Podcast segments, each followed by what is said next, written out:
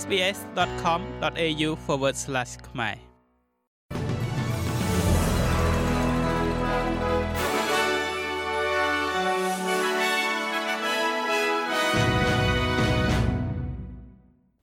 សូមស្វាគមន៍មកកាន់នេតិព័ត៌មានខ្លីៗរបស់ SPS ខ្មែរសម្រាប់ថ្ងៃអង្គារទី19ខែកញ្ញាឆ្នាំ2023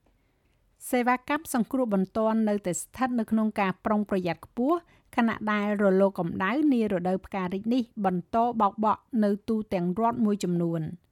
សីតុណ្ហភាពបានកើនឡើងដល់ពាក់កណ្ដាល30អង្សា ដោយក្រុមអ្នកពន្លត់អគ្គិភ័យកំពុងតែប្រយុទ្ធតស៊ូ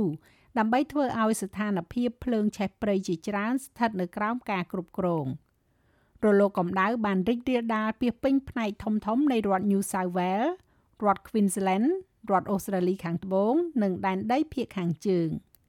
មានការធូរស្បើយតិចតួចនៅក្នុងទីក្រុងស៊ីដនីជាមួយនឹងសីតុណ្ហភាពនៅភាគខាងលិចទីក្រុងនេះត្រូវបានគេរំពឹងថាឡើងដល់36ដឺក្រេនៅពេលក្រោយនៅក្នុងសប្តាហ៍នេះ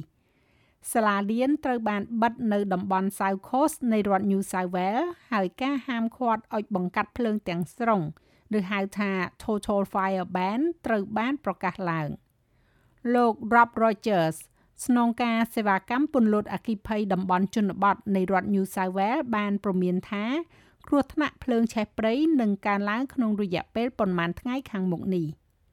មួយទៀតនោះពាក់ព័ន្ធជាមួយនឹងបដកម្មរវាងអ្នកគ្រប់គ្រងនិងអ្នកប្រឆាំង The Voice រដ្ឋាភិបាលកំពុងតែអំពាវនាវឲ្យមានការជជែកដេញដោលគ្នាដោយការគោរព ពីអ្នកគ្រប់គ្រងទាំងយុទ្ធនាការ Yes និង No នៅក្នុងការឈានទៅដល់ការបោះឆ្នោតប្រជាមតិសម្លេងជនជាតិដើមភាគតិចទៅកាន់សភាវាកើតឡើងបន្ទាប់ពីក្រុមមនុស្សប្រហែលជា20នាក់ដែលគ្រប់គ្រងយុទ្ធនាការ Yes បានទៅធ្វើបាតកម្មនៅឯព្រឹត្តិការណ៍យុទ្ធនាការ No ដ៏ធំមួយក្នុងទីក្រុង Adelaide កាលពីថ្ងៃច័ន្ទហើយត្រូវបានចោទប្រកាន់ពីបទបន្លំធ្វើជាអ្នកគ្រប់គ្រងយុទ្ធនាការ No លោកនាយករដ្ឋមន្ត្រី Anthony Albanese បានថ្កោលទោសចំពោះសកម្មភាពរបស់ក្រុមបាតកោហើយអភិបាលរដ្ឋអូស្ត្រាលីខាងត្បូងលោក Peter Malinauskas និយាយថាក្រុមអ្នកតវ៉ាកំពុងបង្កគ្រោះថ្នាក់ដល់ភៀកគី Yes រដ្ឋមន្ត្រីទទួលបន្ទុកកិច្ចការជនជាតិដើមភាគតិចលោកស្រី Linda Burney មានប្រសាសន៍ថា ការជជែកដេញដោលគ្នាចាំបាច់ត្រូវតែត្រឡប់ទៅរកបញ្ហានៅនឹងដៃហើយអំពាវនាវឲ្យមានការសន្ទនាប្រកបដោយការគោរពលោកលោកស្រីអ្នកនាងកញ្ញាក៏អាចស្វែងរកព័ត៌មានដ៏ទូលំទូលាយអំពីការធ្វើប្រជាមតិបានដោយចូលទៅកាន់ SBS Voice Referendum Portal តាមរយៈអាស័យដ្ឋាន www.sbs.com.au/whitereferendum ចុងក្រោយនេះពាក់ព័ន្ធជាមួយនឹងជំនួបរវាង ប្រទេសរុស្ស៊ីនិងប្រទេសចិន ដែល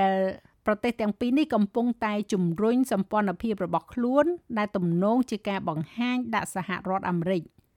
រដ្ឋមន្ត្រីការបរទេសប្រទេសចិនគឺលោកវ៉ាងអ៊ីបានចាប់ផ្ដើមដំណើរទស្សនកិច្ចទៅកាន់ប្រទេសរុស្ស៊ីរយៈពេល4ថ្ងៃ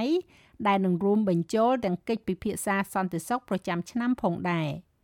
លោកបានជួបជាមួយនឹងសមាភិកីរុស្ស៊ីគឺលោក Sergei Lavrov ដែលបានសង្កត់ធ្ងន់ទៅលើកិច្ចប្រជុំកាលពីដើមឆ្នាំនេះរវាងប្រធានាធិបតីចិនលោកស៊ីជីនពីងនិងលោកពូទីននោះគឺជាការសង្កត់ធ្ងន់ទៅលើការធ្វើឲ្យស៊ីជម្រៅនៃកិច្ចសហប្រតិបត្តិការយុទ្ធសាស្ត្រនិងភាពជាដៃគូគ្រប់ជ្រុងជ្រោយរវាងប្រទេសទាំងពីរ គេគិតថាប្រធានាធិបតីរុស្ស៊ីលោក Vladimir Putin អាចនឹងធ្វើទស្សនកិច្ចនៅប្រទេសចិននៅខែក្រោយនេះនៅក្នុងអ្វីដែលហាក់ដូចជាសម្ដៅទៅលើសហរដ្ឋអាមេរិកនោះ លោកវ៉ាងបាននិយាយថាប្រទេសដូចជាប្រទេសចិននិងរុស្ស៊ីមានទំនួលខុសត្រូវនៅក្នុងការរក្សាសន្តិភាពពិភពលោកបើទោះបីជាមានការប្រឆាំងក៏ដោយ